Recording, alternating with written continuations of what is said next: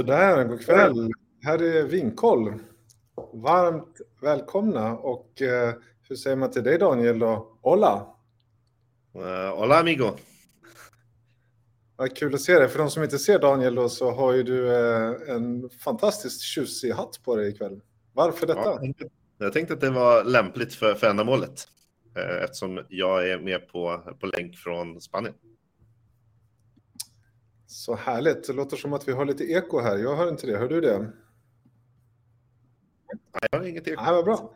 Hörni, vinkoll, tillfälliga sortimentet. De här 35-45 eh, minuterna går ut på att eh, jag, Marcus, tillsammans med Daniel ska prata igenom eh, de, vad ska vi säga, de roligaste, de intressantaste vinerna på fredagens släpp på Systembolaget. Yes. Och precis som vanligt så är det ju superkul om ni som eh, tittar med oss live via Facebook här, att ni eh, ställer frågor, kommenterar eller ger er in i leken helt enkelt. Och precis som vanligt så kommer vi ha, eh, eller precis som vanligt, det är ju andra gången, precis som förra gången så kommer vi ha två stycken gäster som ska vara med oss och prata lite om två speciella viner. Men du Daniel, vad har hänt sen sist då? Ja, jag har ju bytt plats då på jordklotet till Teneriffa. Mm. Så det är väl hänt. Eh, sen när jag kommer gå ett varv i de olika affärerna här och kolla på vinutbudet. Det är alltid kul. Um, Kava finns det mängder av i olika prisklasser och även på vinsidan där. Um, det är svårt att få till bra lokalviner faktiskt, förvånansvärt. Spännande. Då kommer du hem som en uh, vinexpert då, helt enkelt, om en vecka eller så. Ja, precis. Ja, exakt. Om en vecka. Mm. Ganska precis. Kommer jag tycker att vi uh, kör igång. Och precis som förra gången så uh, tänker jag att vi tar uh, listan på det som släpps nu på fredag. Uh, och så kör vi det i, i prisordning och börjar med det billigaste och klättrar uppåt på listan nu. Yes, det låter bra. förutom mm. kanske första eh, biten som råkar vara ett mjöd då? Vad händer där? mjöd. Uh, jättebra fråga. Det är ju inte ett filtreringsfel, för mjöd är väl honung och lite sånt där. Det är inget vin. Jag tror vi hoppar det bara. Det är säkert jättegott. Ja, exakt. Jag har inte provat, men eh, om någon har provat kan de skriva vad de tycker. Det kanske är värt att prova. Det är ju en spännande dryck det också. Um... Mjöd för hela slanten? Ja, jag får kanske prova det då. Du, eh, i min lista, jag vet inte, det kom ett annat vin först här som inte jag ser på din. Ska det inte vara en, eh, ett rosévin först här? Eller har det? Kan det inte vara så att jag eh, har glömt att filtrera eller sortera på pris? Så kan det vara. Tyckte inte jag kände igen mig helt. Känner du igen dig nu? Vi testar. Mjöden kommer först. Där, titta. Det var den mm. där jag var lite wins Reframe, det heter ett vin. Det kostar alltså 109 kronor och det är ett rosévin på, en, eh, på Cabernet. Alltså. Jag vet inte om du känner till Daniel, men Wins de gör ju Coonawarra, Australien, de gör ju liksom rödviner för hela slanten skulle jag vilja säga, eller det de är kända för. Och så dyker det upp en rosé här. Så att, eh, det är väldigt spännande. Och vad betyder det? Jo, det betyder att det snart är vår. Verkligen. Det är ditt vårtecken, som snödroppen. Mm. Uh, precis. Jag tänker nog inte, jag tycker det är lite kul att Wins som har en eh, jättelång tradition och sådär när det kommer till annat liksom. Eh, jag tror att de har gjort sen vin sedan 1800-talet så det är liksom inga duvungar men, eh, men den här rosén är väl lite kul. Men jag vet inte, jag överlåter någon annan till att testa den helt enkelt. ja, jag tycker vi rullar vidare då. Det var yes. inte alls lika många viner den här gången. Vad stod det i början? 37 va? Jag ska scrolla upp och kolla här, men det står uh, eh, 37 produkter, men då är en mjöd, alltså 36 viner helt enkelt. Mm. Så noterar jag bara ett bubbel också och uh, mest rött. Mm. Så att, uh, jag vet inte, vi ska ju plocka ut våra viner som vi tycker är lite extra spännande och testa också dem. Men yes. jag tänkte vara lite fräck och hoppa över två viner här och ge mig rakt in på en, en Beaujolais om inte du kände att du ville prata om den där som var innan. Givetvis. Nej, men eh, Borsen är ju din grej. Du ska prata om det. Ja, precis. Och eh, för de som inte vet, då, jag är ju läskigt förtjust i de här bäriga liksom, vinerna från Beaujolais, oftast eller nästan alltid på Gamay. Och eh, jag vet inte, jag tycker det är så friskt och härligt så jag blir alltid lite nyfiken när det, liksom, när det dyker upp. Då. Och på det här släppet så den här producenten heter Terre Dorés och eh, de har faktiskt tre viner och alla tre från Beaujolais på Gamay. Eh, de har väl ett 50-tal hektar, så jag vet inte, jag tänkte inte ge mig på den här första då för 169 kronor. Men ja, för den som inte har provat Beaujolais, eller inte har, men hittar lite andra varianter så, så finns det tre stycken. Då. Men den där ehm, är bara kul att känna till, tänker jag. Vad är det, Marcus? Ja. Jag är ju inte så, jag har inte bara koll på Beaujolais. Det står inslag av fat där. Jag, när jag hör Beaujolais tänker jag mig inte fat. Men det kanske är jag som har provat för lite. Eh, så kan det vara. Just den här då så har man nog gjort så att hälften av vinet har lagrats på eh, använda franska ekfat och så hälften ståltank. Så att, eh, man jobbar lite, men annars är det väl också skalmaceration och hur man liksom, eh, du vet de här hela druvklasen och så vidare. Så man jobbar med lite olika sätt här. Men, eh, men det, här, det står ju också här bärig. Så att, eh, ja. men du, du, får till den här fatiga kryddiga tonen. Jag tror att det är nice. Ja. Mm, så att prova med Beaujolais, det är väl kanske det då. Jag rullar ner här. Ja. Eh, vi hoppar över den där Grüne Veltlinen där tycker jag. Det är inget fel på den österrikaren, men eh, det där då? Känner du igen den som kommer sen?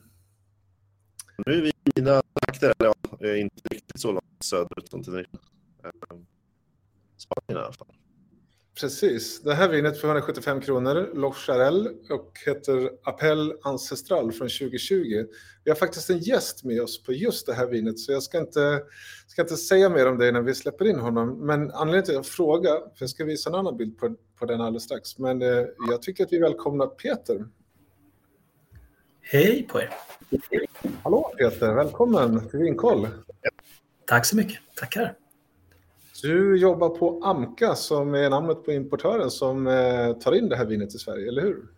Jajamensan. Eh, jag tror minsann att det är tredje årgången vi lanserar i snabb följd av det här vinet. Så har blivit en liten favorit i det tillfälliga sortimentet.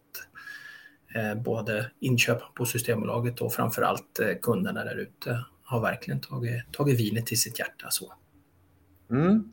Jag tänkte, jag har gjort en bild på det här som eh, vi som eh, tittar då ser, men nu ser man ju flaskan lite bättre här. Eh, och där, jag tror att många känner igen den här, eller hur Peter? Den är väldigt välbekant. Berätta. Den är väldigt välbekant. Den har, ju, den har ju ett syskon kan man säga. Den har faktiskt två syskon så, som heter Appell, där det finns ett vanligt mousserande vin om man säger så. För 119 kronor i sortimentet. Den finns i väldigt, väldigt många butiker och precis häromdagen så lanserade vi också Rosésystern. Så. Eh, och det här är då den här skalliga gubben på. Och det är därför som vinet heter Appel, som på då katalanska eh, syftar på den skalliga gubben eftersom på katalanska betyder det ungefär utan skydd, utan hår, utan tak. Så, så därav namnet Appel. Loxarell är namnet på firman som gör den och det är en lek med deras druvsort Charello. Som de har gjort ett anagram på kan man säga. Eh, och den här, det här vinet består till 100 procent av den druvsorten så. Eh, som länge ansågs som en, kanske en av de tre klassiska druvsorterna för att göra kava. Men numera på senaste kanske 5-10 åren har det fått en väldigt fin respons eh, och man gör singulära viner, eh, druvrena viner på den, både stilla och mousserande. Men det här är ju inte en kava, även om jag ser att den är ju mousserande. Precis så, det här är en Classic Penedès. Så den ligger under eh, DO Penedès, alltså Denomination d'Origin, som är en kvalitetsbenämning med lagar och förordningar kring druvsorter, hur mycket skörd man får ta ut etc. etc. Och under Deo Penedès så finns det då Classic Penedès som är för mousserande viner. Och, eh, det är väl kan man säga som en, en lite bättre kanske fel, men en mer en kav, en, inte en kava men ett mousserande vin från det området som är lite mer restriktioner kring. Eh, det måste vara ekologiska druvor. Man mm. får bara använda druvor ifrån Penedès och det måste vara minst reservakvalitet, alltså minst 15 månader på gästfällningen. kommer snart att bli 18 månader. Men mm. än så länge är det 15 månader på, på gästfällningen. Och sen så såg man ju här, vi har på bilden också skrivit om metod ancestral. Nu kanske uttalet var mer franskt från mig där, eller hur säger man? Ja, vi säger, man säger ancestral här också och det är ju en benämning som används faktiskt från, från euro, europeiska länder som gör den här stilen och det kan man väl säga är den mest ursprungliga metoden att göra mousserande viner.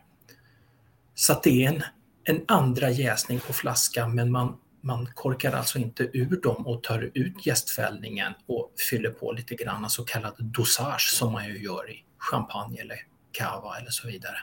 Den här ancestralmetoden är att man jäser vinet upp till sk. Det beror lite på var man ska hamna. Som vinmakare jobbar man ofta med att man, man räknar på hur mycket socker man har kvar.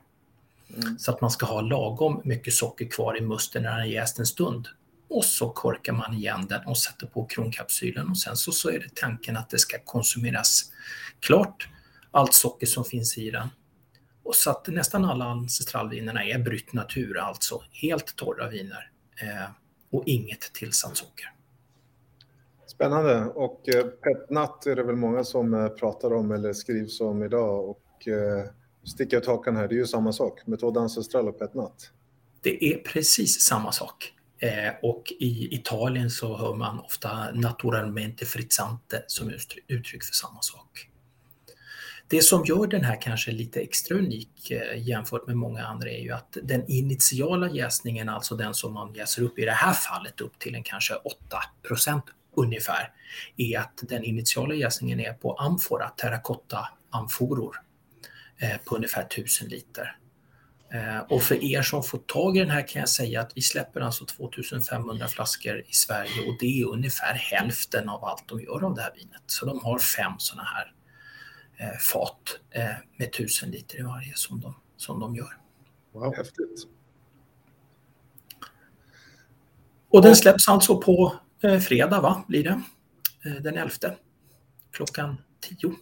Då får man hänga på låset då. 175 kronor, Loxarell Appel Ancestral 2020. Och den är ganska lätt att känna igen då, för den har ju vad jag skulle kalla ett papper om sig om flaskan och sen en, eh, är det en halm, eh, halmknuta där uppe också? Det är halmknut man har skurit i, i bitar, eh, eller i, i vad säger man, remsor så och knutit dem för att ge lite extra så touch till det. Mm. Eh, nu kommer en detaljfråga då, som avslutning som du säkert inte kommer att svara. Vi har tittare från Västerås här som vinkar. Kommer de att kunna få tag i den? Eller vad sa du? 50 systembolag? Sa du det? Ja, vi ska se. Det är lite svårt. Den släpps ju på fredag och det är måndag idag, så vi har inte sett beställningen från... Det är inte riktigt alla butiker som ska ha den som har beställt den än. Så att jag rekommenderar att man går ut på Systembolagets hemsida och söker och där finns det ju en, en, en ruta där man kan söka på i vilka butiker finns den och eh, butiker nära mig så kan man inte koppla på GPSen i telefonen eller datorn. Så jag kan tro att åtminstone en butik i Västerås eller i närheten kommer att, kommer att ha den. Det, det tror jag nog. Vi håller, eh, vi håller tummarna att den finns. Eh, Daniel, du är ju nere i Spanien då. Du har en fråga med dig också, eller hur? Ja, precis. Det kanske inte har så mycket med i Spanien ja. men jag tänker, det, var, det här vinet har ju liksom en, vad jag tänker som en ölkapsyl på flaskan. Är det, är det liksom en vanligt? Är det någon form av standard för den typen av vin? Eller? I de flesta har man det på och det beror ju på att man gör den här andra jäsningen på flaskan. Och så man behöver ju, det finns ju risk att korken vandrar ur annars. Ja. Eh, eftersom man har alltså inte en champagnekork. När man trycker i en champagnekork i, för andra jäsningen i flaskor annars så, så är ju de, eh, vad kan man säga, hur ska jag uttrycka det, som en, eh, eh, man brukar kalla det för mushroom stopper på engelska, som ser ut som en svamp och då är de ju nästan som en pyramid. De är ju väldigt, väldigt tjocka i nederänden och så, och så har man då maskiner för att trycka ner dem så de sitter riktigt ordentligt. Men det här är ju då som en vanlig kork i. Och för att hålla, hålla kvar den så, så trycker man över en kronkapsyl. Just det. Eh, så att det ska hålla ordentligt. Ja. Ja, och det, ofta är ju trycket lite lägre i de här eh, så än vad de är i normala bubblande viner. Just det.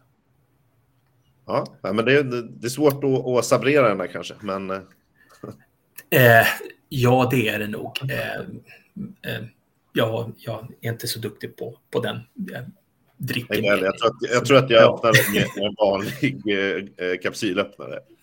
Ja, man öppnar med en kapsylöppnare och sen en vanlig vinöppnare. Sådär. För trycket är inte så kraftigt, utan det är, eh, det är därför det på italienska kallas naturalmente frizzante ofta. Eh, det är ju alltså lätt bubblande. Eh, mer än, eh, så Italien till exempel heter ju bubblande vin spumante.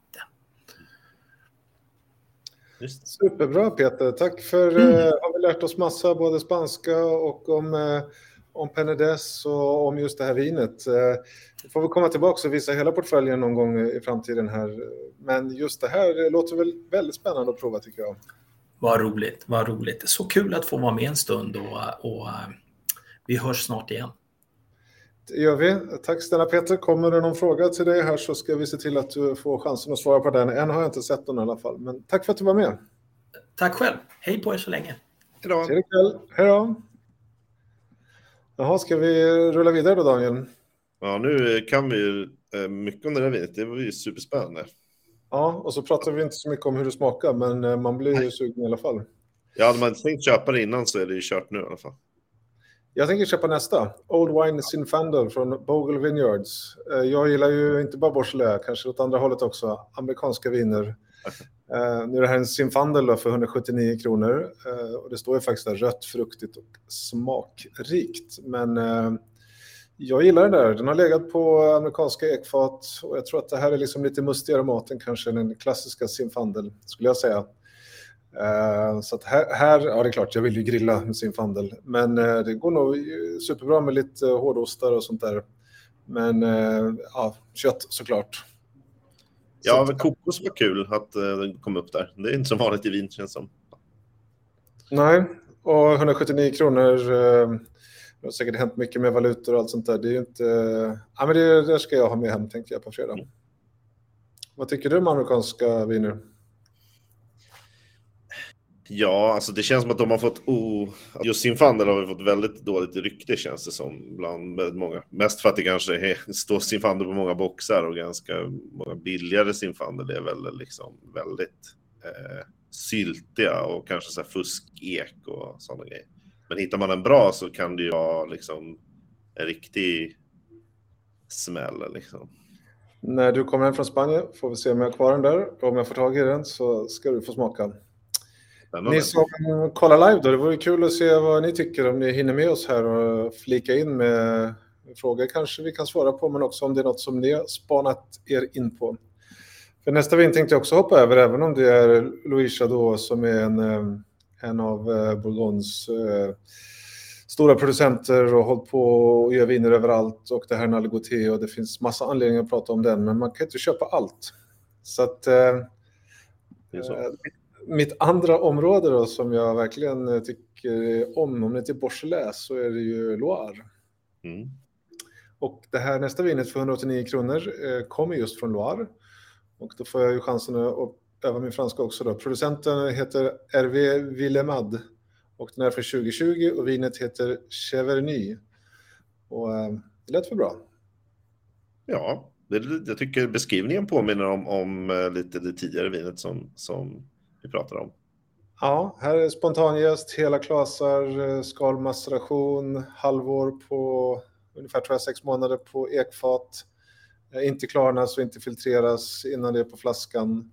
Och, ehm, ja, det är Pinot Noir då förresten och Gamay. Så att det är inte bara Gamay som vi var på förra då. Så, att, så att 85 procent Pinot Noir och 15 procent eh, Gamay. Verkligen um, flyktigt, mm, tänker jag då, när det är den blandningen. Precis, och den här familjen de har också, precis som många andra som vi pratar om, gjort vin länge. Eh, även om RV tror jag slutet på 90-talet eller mitten på 90-talet eh, tog över det här eh, från sin pappa, som så ofta. Men de är ganska så, jag tror, Vinnatur som importerade, kolla hos dem så står det att de, de har, låter vinerna växa upp på ett avslappnat sätt och naturligt förekommande gäst om man vill liksom göra så lite, påverka så lite som möjligt. Då. Så att, eh, ja, snygg etikett, det syns inte så bra här, men 189 eh, kronor för den, den är också, den köar jag för också. Eller köar kanske inte, men jag ställer mig för att köpa den i alla fall. Ja, det kan mm. jag tänka mig. Jag rullar ner då. Ja, varsågod. Ska inte du eh, slå till på något då från Spanien? Ja, vi har inte hittat något. eh, Ja, just nu kanske det är svårt på fredag, för då är jag inte hemma. Men Men precis som förra fredagen får jag väl hjälpa dig då. ja, exakt, precis. Ja, det, är- det ligger ju mig varmt om hjärtat. Det är trevligt i och för sig. Då. Mm. Och en sån här trevlig in, eh, ja, Vino Nobile de Montepulciano kanske kan vara något. Mm. Ja, det är ju nästa på tur här va? Ja. Om man tycker om fat eh, och ja, eh, kraftigare eh, liksom, toskanska viner så är det väl det där eh, något att servera tror jag. 199 kronor. Mm. Kanske inte, ja. Man ska, man ska väl veta att man tycker om det kanske för att köpa det, för det är väl en... Eller så är det dags nu. Ja, precis. Det är dags att prova om man inte annars. Ja. Ehm, Den där under däremot eh, känner jag faktiskt till lite, för där har jag några årgångar hemma. Aha, då är det Frankrike då. Fortsatt 199 kronor. Vad heter den? Där, kan jag väl erkänna att, att första gången jag köpte vinet var, var för, att, eh, för namnet. Ja, Eh, Och, ja, och mestadels för, att, för den maritima kopplingen. Att ja. Du får ge dig på och eh, läsa upp det där för någon som inte ser. Ja, exakt. QV sextant vet jag inte om man säger, men det är så jag uttalar det. Min extremt Mm. dåliga franska. Eh, och namnet på, ja, det är väl producenten då som står under det här fallet. Eh, Le Cellier Dorfé, kanske? Mm. Du kommer kunna få rätt vin med, det, med den eh, frasen. Det kommer gå bra. Ja, i Sverige. Mm. Nej, men det här är ju, det är ju ett kraftigt vin liksom. Ehm, så att, eh, här, här är det ju, där är köttvin. Och det var det jag köpte det till första gången också. Och det funkade väldigt bra. Alltså. Sen ska nog det där ligga ett tag. Så vill man ha något att spara på och, och njuta av om ett gäng år så tror jag att det där är ett bra köp. Coolt. Men du, det där kommer från Languedoc-Roussillon och Corbière tror jag, långt ner i södra Frankrike som är varmt och härligt och blir ju kraftiga viner och sen tror jag att den där är på fat ett år också innan den kommer ut för det där var 2019 va? Ja, precis. Det är nog Mm. ganska tydligt. Just rätt. Ja. ja, men det är, väl, det är väl bra val. Det är säkert flera andra som är pigga på den och kul om du kör eh, liksom en vertikal om några år då. Ja, exakt. Verkligen. Mm. Lite Eh, bubbel. Ja, Har vi? precis. Jag tänkte efter det. Jag sa i början att det bara var ett bubbel. Det är väl två då, då för att eh, den som vi pratade med, med Peter här om, den eh, var väl också ett bubbel. Men här är väl, ska jag säga något dumt då, det riktiga bubblet då. Sinclair eh, från eh, Marlborough, då är vi ända Nya Zeeland. Det är inte, det är inte helt ovanligt, men inte så där jättevanligt heller. Jag funderade länge på om jag skulle ge mig på den här, för det är ju Chardonnay, Pinot Noir och Pinot Meunier, precis som en liksom klassisk champagne på alla sätt och vis. Eh, Men eh, man kan inte köpa allt. Så jag hoppade den, även om jag tycker det låter väldigt frestande. Ja, ja, jag förstår. Mm. De är ju vita viner, så det där skulle säkert kunna vara rätt. Mm. Sen har vi franskt igen. Mm. Chateau d'Angely. Jag vet inte riktigt, jag har faktiskt inte provat den. Jag vet inte riktigt vad det, vad det är. Men det är också La Clappe eller Languedoc Roussillon långt nere där. Så det är nog rätt mycket fat och, och eh, kraftigt här. Och, om inte jag minns helt fel, jag tror att jag klickar in på det här, jag behöver inte göra det nu, men jag tror att det är en vinmakare från, som har jobbat på Chateau Lafite Rothschild Ja, som är inblandade. Men jag ska låta det, jag håller fingrarna lite så här, kan vara. Så. han, kom, han kommer väl lite fallhöjd där då. Ja, eller så kanske han har något bra med sig också. Ja, precis. Mm. Ja, en sydafrikansk pinot hoppar vi över och så kommer tredje, eller andra vinet då från samma producent som vi var, som jag var inne på tidigare här då, eh, från eh, Beaujolais. Just det. Eh, och den som kan sina grejer vet ju att det finns i tio kryer i Beaujolais och Fleury är en av dem. Så att det är väl därför det kostar 229 kronor och är lite mer pris för lite bättre kvalitet, lite bättre lägen och allt sånt där. Men eh, ja, jag spar mig där. Mm, jag förstår. Ehm, Men nu Sen kommer det ju... här är dina grejer. Va? Nu är det mina grejer. Eh, nu är vi i Tyskland. Jag kände det på mig lite, men alltså, bra viner är bra viner, så det kan man liksom inte få. Det kan man inte uppleva sig för mycket om. Jag pratade ju Riesling förra veckan och nu kommer jag prata Riesling igen. Eh, dels för att jag tycker om det, men framförallt för att det här är ju ett av favoritrislingen alla kategorier för min del. Mm. Sibyl Kuntz. Um, så en kvinnlig vinmakare, vilket ju är kul, framförallt kanske i Tyskland där det inte är så vanligt, skulle jag vilja säga. Um, och hon har ju faktiskt med tre viner i det här släppet. Precis, och, och det här för 229 är då det, det billigaste av dem. Exakt, det kan man väl säga är liksom ingångsvinet. Så vill man prova något av henne så, så ska man ju definitivt köpa det här. Um, det här är ju dessutom väldigt klassiskt Mosel-stil, så att säga. Uh, och hon gör ju, är ju känd för att göra väldigt bra just torra liksom, Riesling som jag skulle säga är väl det som förmodligen är populärast i Sverige i alla fall. Um, Det är jättepopulärt. Ja, precis. Och hon är dessutom en, en sån producent som liksom tycker om utmaningar. Så att eh, desto brantare vin, eh, ja, lägen hon kan hitta, desto gladare blir hon. Medan andra kanske suckar och ger upp. Liksom. Men, eh, ja, men det, det är generellt sett väldigt bra eh, och egentligen vad man kan förvänta sig av en, av en eh, bra Mosel Riesling. Um, ehm, och jag tror att det är fler som eh, tittar eller lyssnar på det här som kommer att ge sig på de här. Ska vi um, ta de andra två hon har på en gång också kanske? Mm. Precis, och det här är ju som vi sa då instegsmodellen eh, för 229 kronor och då heter den Riesling Kabinett Trocken så det är alltså kabinett med andra ord är den då skördad tidigt på året och har ganska äh, lägst äh, sockerinnehåll i själva druvan när man, när man skördar den. Och trocken betyder då att det även är, in, är torrt i slutprodukten i själva vinet. Ehm, och med det i, i bagaget så kan vi då prata om nästa som Just det, vi, han, vi tar ett mellansteg till eh, ett vin som hon har döpt till Orange Riesling. Då. Just det. Eh, och eh, det heter ju Orange Riesling för att det är egentligen en, en, hennes version av ett orange vin eh, på Riesling-druva. Med andra ord är det lite mer, Alltså, lite mer funky än de andra skulle jag vilja säga.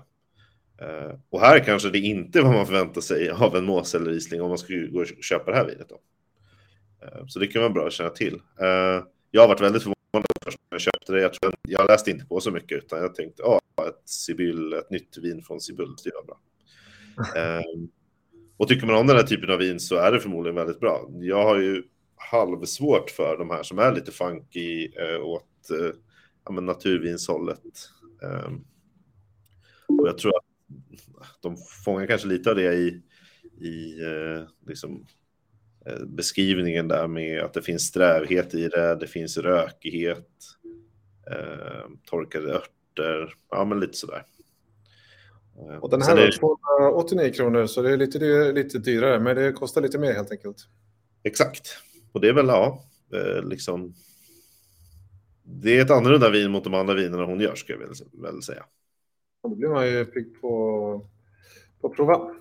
Ja, exakt. Det är, det är kul att prova och det tycker jag att man ska göra. Men bara man är beredd på att det liksom kanske inte blir en klassisk eh, Riesling-upplevelse. Nej. Ja, men man ska testa. Det är det det går ut på lite grann tycker jag. Absolut. Och hennes eh, tredje vin då innan vi tar in kvällens andra gäst här som har en spännande, spännande berättelser också. Vad har vi då? En Riesling Spätläsche Trocken 2019. Precis, då byter de den som ni ser. Det gör de på alla viner. Um, men så nu är det då inte en kabinett utan en spätlesses. Så det innebär att det här, de här eh, druvorna har mognat lite till. Men eh, vinet är fortfarande torrt, därav trocken. Eh, och det här är ju, vad ska man säga, eh, lyxrislingen eh, som... Eh, så det är alltså en eh, lite, en kraftigare version av, av den förra som vi pratade om. Eh, Och några kronor till då, 319 kronor.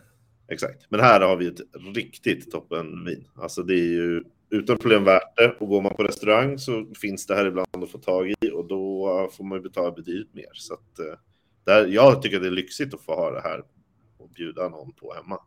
För att man vet Ja. att i princip alla kommer tycka om det. Jag kommer över. Är det, jag tänkte jag skulle plocka in en eh, kille som du har träffat förut också, och som jag också har träffat, som ska berätta om ett av sina viner. Ja, Eh, Jag bara släpper in honom så här pang bom helt enkelt. gör det. Vi ser hur förvånad han blir. Ja,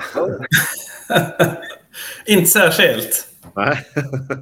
Jag har hållit mig eh, här. Jag, jag har faktiskt riggat upp i köket ehm, eh, och planerat med min fru. Eh, men tydligen så behövde Alba gröt, men jag har sagt att hon får, hon får vänta i tio minuter.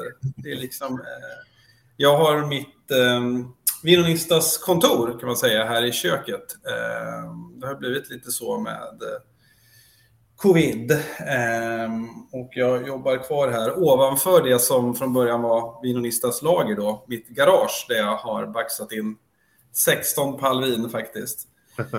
Ehm, men nu har de flyttat till ett lager. Ehm, kul att få vara med.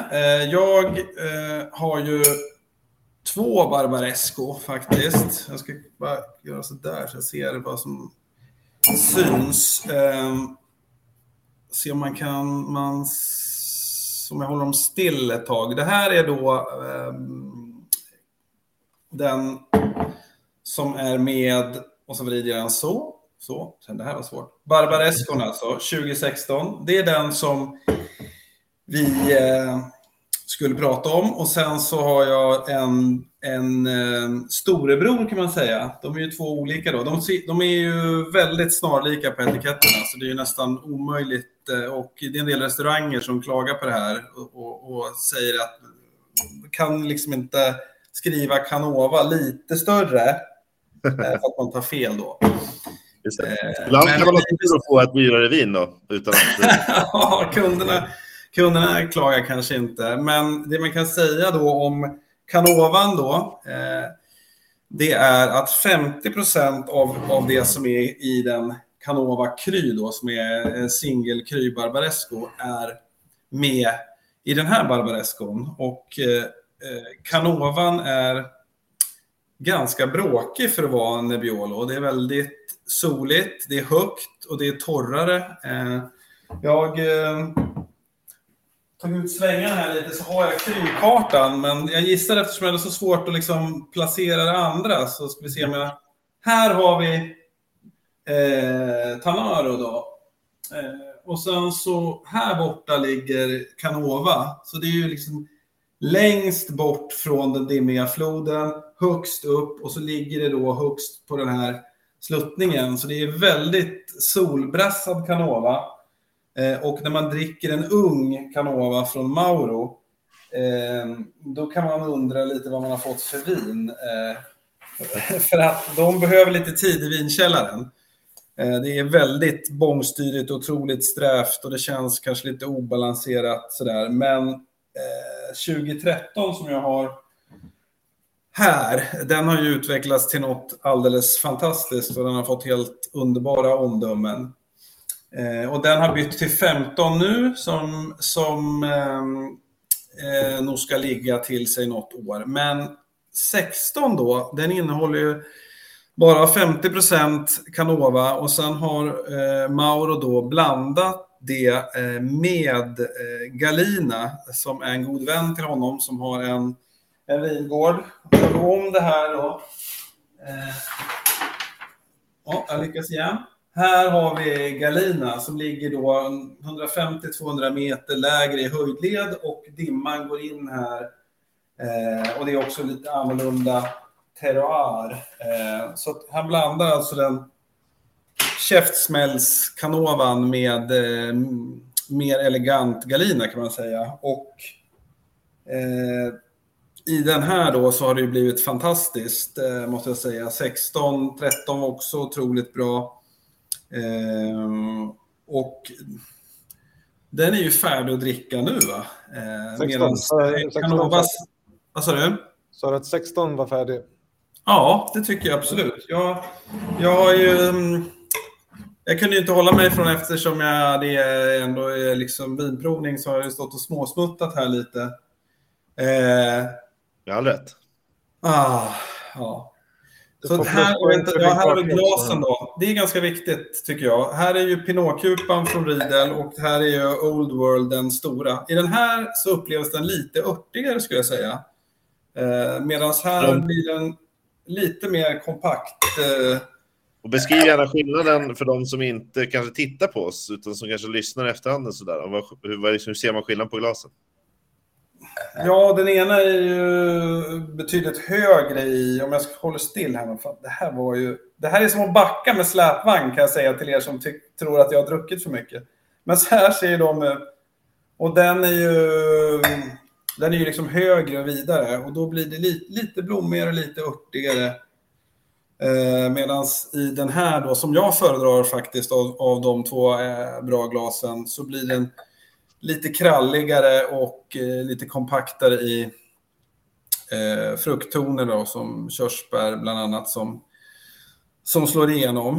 Eh, och han, eh, Mauro är ju en, eh, en väldigt duktig vinmakare. Han är också en som inte kör med så otroligt mycket fat. Eh, det här är ju, ligger på 5000 liters bottis och dessutom ganska eh, Alltså han roterar på dem såklart då, men, men det är ju inte alls någon eh, nyfatskänsla eller, eller liksom, eh, vad ska man säga, eh, en intryckt eh, Barolo som ligger i, i barriker. Så det, det är väldigt mycket härlig eh, rå vinkänsla tycker jag och han har dessutom Eh, den goda vanan att inte filtrera vinerna heller, eh, vilket jag tycker ger, eh, adderar lite av den här eh, vad ska man säga, råheten som jag så kallar det då. Du kanske kalla honom för en traditionalistisk producent snarare än en modernistisk i det här läget? Då? Eller? Ja, men han är inte så traditionell eh, Barbaresco-producent, för de, många är ju lite lättare i tonen och, och mer blommiga än, än vad han gör, skulle jag säga. Just det. Eh, och kraftigt, sen, men inte så mycket fat. Man nej, men sen, ja, det här, den framgår väl inte supertydligt här heller, kanske färgen, men, men den är inte den... Den är lite mörkare och dovare. Eh, mer rubinröd än, än att den går åt tegelhållet. Och det har ju med terrören att göra. Det är någon, en grå, blå Marley kallar man det för. Det finns väl ingen liksom, svensk översättning till den eh, gamla havslerbotten som är där uppe på Canova. På rätt sida. Så. Vad skulle du käka till det här vinet då? Om du får välja. Jag kör gärna grillat faktiskt. Eh, lamm, eh, entrecote funkar eh, suveränt. Mm. Tillbehör. Sen kan man ha stek också, men, men, men den gör sig bra med, eh, med grillat kött. Alltså. Mm. Det låter väl som en eh, superkombo tycker jag. Vad säger ja. du Marcus? Ja, och för tydlighetens skull då, det här är ju inte ett vinterfredag, utan det här finns ju beställningssortimentet året om eller tills det Exakt. Att, eh, för de som inte snappar upp det då, nummer 7745, Barbares 2016. Ska vi säga vad producenten hette, hela namnet också? Så att man... Tenuta San Mauro. Mm. Eh, Mauro heter han, den gentlemannen.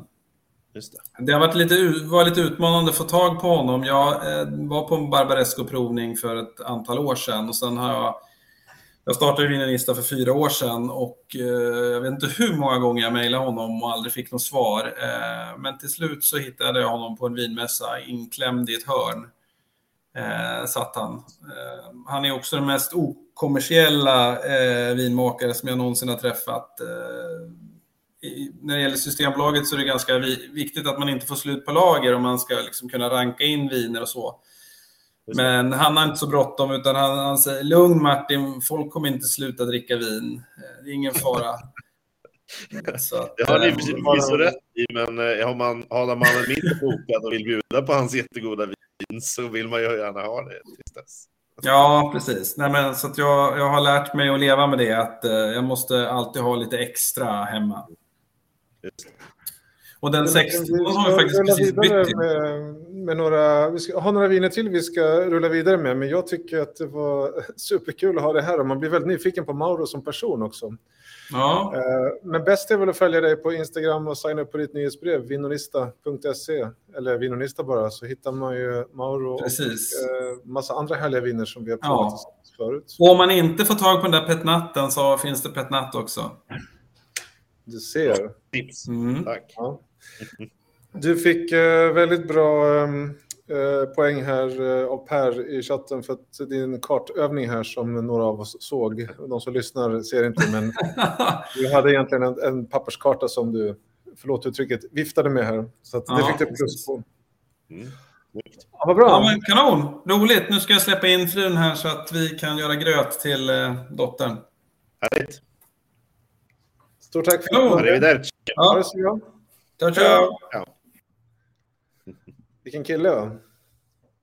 visst. Eh, och, Nu har vi verkligen koll på, på uh, Barbaresco.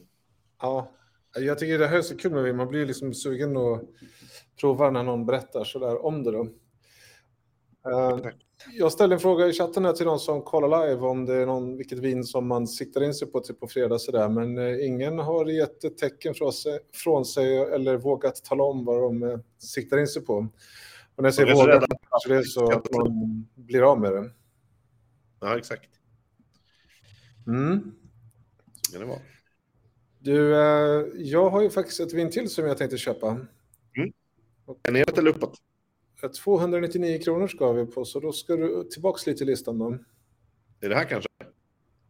Eh, ska Eller det var Hänger med här. Eh, nej, vi ska faktiskt till Italien. När det är Fattoria Poggerino vill jag hitta. Visst. Det är alltså från en Chianti Classico från eh, 2019, så det är Sangiovese. Mm. Eh, Då kan man ju tänka sig, jaha, vadå då? Eh, Kanske den här Barbarescon lät roligare. Men jag tänker nog att eh, jag har faktiskt det där vinet från 2018. Och Ja. en 2017, så jag tänker så här, nej, nu ska jag bygga liksom vertikal. Ja. Så att, eh, jag ska köpa det och stoppa undan. Eh, smakmässigt eh, så har jag smakat, eh, inte 19 då, men 18. Jag skulle säga väldigt klassisk eh, Chianti Classico, röda körsbär, röda plommon, vinbär och allt det här. Och, ja, precis som man vill att det ska vara. Och 299 kanske är eh, den övre skalan, men nej, jag ska, dit ska jag. Ja, du har ju du har ju liksom gett in på det här spåret nu, så nu är det bara att fortsätta. Mm. Nu har Kiki erkänt att hon ska försöka få tag i den här Pet- Ancestral som eh, Peter pratade om här förut. Så att, eh, det finns ju goda chanser.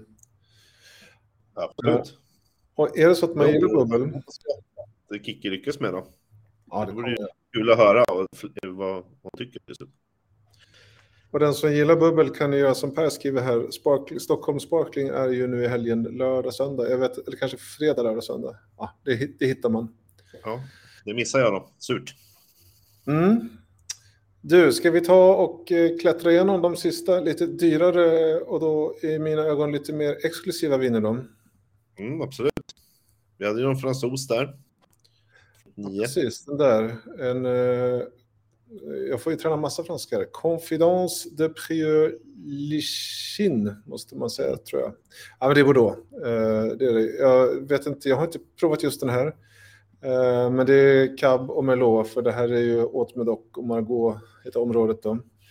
Eh, nej, men det, jag, jag tror, och nu killgissar här, det här är nog klassisk eh, bra Bordeaux av bra grejer. Så att, och 299 är väl alldeles vanligt pris för det också. Så är man sugen på att hitta en ny producent så varför inte? Ceder, choklad och vanilj där talar väl sin tydliga språk. Exakt. Och 299, ja det sa jag. Ja, Mm. precis. Uh, sen har jag en fråga till dig. Det finns ju två viner här som är från Spanien av en kvinna som heter Veronica Ortega Camacho. En röd och en vit. En heter, eh, jag uttalar det bara kall, CAL och den andra heter ROC. Ja, förkortningar misstänker jag. Ja, eh, det står faktiskt inte så mycket om det här. Jag vet faktiskt inte så mycket om just, eh, just henne mer än att eh, eh, jag tror att hon var från Andalusien och hon har varit runt och vinutbildat sig. Men jag vet inte så mycket om, om själva vinerna, vilket eh, är lite synd. Men eh, det går säkert att googla lite mer än vad jag har gjort. Då. Eh. Däremot så, så lyckades jag hitta att hon faktiskt har eh, jobbat hos Alvaro Palacios som är eh, en riktig favorit eh, för mig i Spanien. Och han råkar ju ha ett, jag tror det dyraste vinet i det släppet på slutet, Oj.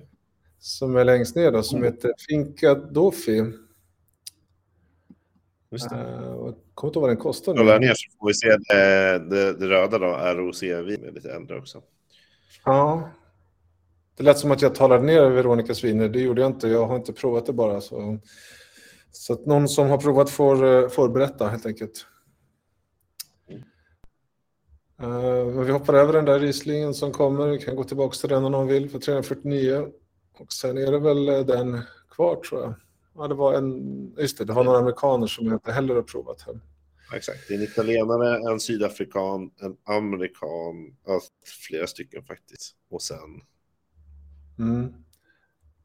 ja, sen har vi den där antar jag, som du nämnde. Ja. Jag hade fel då. 649 kronor Finca Dofi. Det var det näst dyraste. Eh, Men just den där Finca Dofi har jag faktiskt fått förmån att prova då. Oj. Det är mest eh, Garnacha och så Carigena och så lite annat. Jag tror det är lite gröna druvor också. Men, men Alvaro Palacios då, han, eh, eller det här vinet är Priorat, eller hur? Skulle det kunna vara. Jo, det är det. Det är vingårdsläge det här. Mm. Det är ju så här, han är hemma i Rioja och gör priorat och gör lite viner överallt. Men det här är vingårds, eh, ett av de bättre vingårdslägena. Lermita heter det andra. Eh, Ja. Så att, eh, nej, det är ett Det fantastiskt. kanske förklarar priset också. Ja, det här är väl best of the best just här. Och eh, kolla lite på honom. Han har andra viner som, är, som ligger runt 150-200 också. Om man inte har provat det så ska man göra det. Eh, mycket, mycket bra. Jag kommer inte köpa den för 649, eh, men det beror ju bara på att jag kan inte köpa allt. Nej, framförallt inte i de prisklasserna kan vi inte köpa allt. Nej. Och sen eftersom jag spenderade mina pengar innan så har jag inte kollat in de här Silver Oak för 699 respektive, vad heter den innan? Eh, Bean och någonting va, för ungefär samma pengar. Det är en vit Chardonnay där från Mount Eden Estate och Post and Beam Cab också. Mm. Ja, mycket på slutet där, amerikanskt. Ja. Ja, men då så, då får du Sibylle, Kuntz, Polizano och Gärna. eh, din QV16 var dina kort om jag minns rätt va? Exakt. Kommer du ihåg vad jag skulle köpa då? Ja, du ska, du ska väl ha lite... ehm, Du ska ha lite Beaujolais, va, där uppe. Du ska ha lite spanskt, vill jag minnas. Så du skulle köpa den där eh, eh, bubbliga spanska, va? Jag kanske Eller? sa det. Ja, jag, jag, jag sa nog att jag skulle köpa allting. Min, min, Ja, slutliga lista, min slutliga lista blev ju den här amerikanska Bogle Vineyards, den här Sinfanden. Ja, just det. Absolut. Och sen var jag i Loire, jag hoppade ju allt för Beaujolais den här gången. Eh, helt jättekonstigt. Och sen eh, Fattoria Porgerino, min Chianti Classico där så jag får komplett. Det var en härlig blandning. Ja, men jag tycker nog det. Jag tycker nog det. Uh, ska vi se om någon uh, Rival och Charell var det sista vi fick här. Men det är klart att man måste, när man hörde Peter prata om den så vill man ju, vill man ju testa det. Ja, det ju coolt om inte annat. Mm. Och så vinnarnist. Ja, det är mycket att göra. Men du, vad ska man framförallt ha koll på då? Ja, man ska göra koll på att det finns en sjukt bra app som heter Vinkoll. Just det, Eller vad snyggt. Vår fina app. Mm. man kan, eh, för man, alla vill ju på vinprovning så att eh, det blir bara svårt att hålla koll på var de finns och när de är. och Så där. Men det är ju det appen gör. Precis, den är gratis och listar allt. Vad är det nu? 7-8 mil inom den radio man befinner sig om man inte ändrar på settings där va? Precis. Har du hittat något förresten i den där appen då som du ska kika på eller gå på? Precis. Vi har ju inte så mycket provningar här i, i Spanien faktiskt. Eh, Nej. och Det är väl kanske inte målgruppen heller. Appen är ju på svenska så den är ju liksom för, eh, för alla, alla som hänger i, i Sverige. Eh, Mm. Men eh, det finns ju super mycket spännande. Eh, eh, både framförallt eh, online och offline. Nu när det är covid sägs sådär. Ja, men det fanns det. ju Precis. Har man, vill man liksom slå på stort och, och kan ta sig dit så eh, kommer ju en, en Ital- Italien-kändis i alla fall för mig då, från, från Barolo, eh, Lorenzo Scavino Acelia. Kommer Mhm. stilla och få träffa honom och pro- prova hans väldigt bra viner. Visst skulle han vara på flera ställen? Ja, precis. Eh, det stämmer. Eh, jag Vet att han skulle i alla fall. Eh, men sen skulle han passa nog på att besöka fler ställen. Jag kan inte dem i huvudet faktiskt. Men, jag men det är därför att han... appen finns. Det är därför appen finns. Du får in där och kolla. Precis. Eh, Bra. Ja, nej, men jag, du- det finns så mycket. Så jag tror att jag ska, den 18 mars så kan man gå på ett ställe här i Stockholm där jag bor som heter Skobaren och där har, eh, det är en skoaffär som eh, görs om till en liten vinbar en kväll.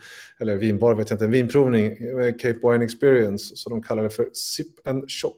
Och Cape Wine Experience ligger faktiskt ute i vår app som ett eh, tips på en vinlåda som Maja Bertas har tagit fram. Så det är Sydafrika för hela slanten. Så att det kanske smyger lite och prova lite ur deras portfölj. Mm. En sista grej innan vi tackar för oss här ikväll.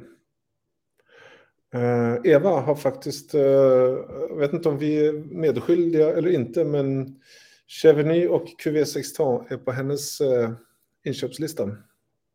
Härligt. Mm. Oavsett så får man gratulera till bra viner. Mm. Ja, vad bra. Om eh, två veckor så gör vi om det här igen, hittar två spännande gäster och eh, går igenom vad vi tycker är kul på den där listan som kommer då. Den är inte framme än, så jag vet inte riktigt exakt vilka viner som är där. Det blir en eh, kul överraskning. Ja. Instagram, Facebook, appen och, och så kan man mejla då om man har någon fråga eller vill ta upp någonting, eller hur? Och då mejlar man på den superenkla adressen som heter Hej att vinkoll.se, eller hur? mm, det kan till och med jag komma ihåg. Exakt. Mm. Och Facebook och sånt går ju bra också. Det går ju att messa oss där med. Det är jag helt säker på. Ja, men då så, får du njuta av Spanien då. Tack! Det ska jag göra, garanterat. Och jag har en hemlighet. Jag köpte bara två av de tre vinerna förra gången vi pratade. Jag lovade ju det. Men jag ska faktiskt eh, plocka upp eh, Chateau Tivin och den här bubblet från Vouvray som jag pratade med Mm. varm för. Så jag får prova dem till nästa gång. Det tycker jag. Då så vänner, ta hand om er, hör av er, så ses vi snart igen. Adios! Adios, som man säger i Spanien. Exakt. Ha det bra!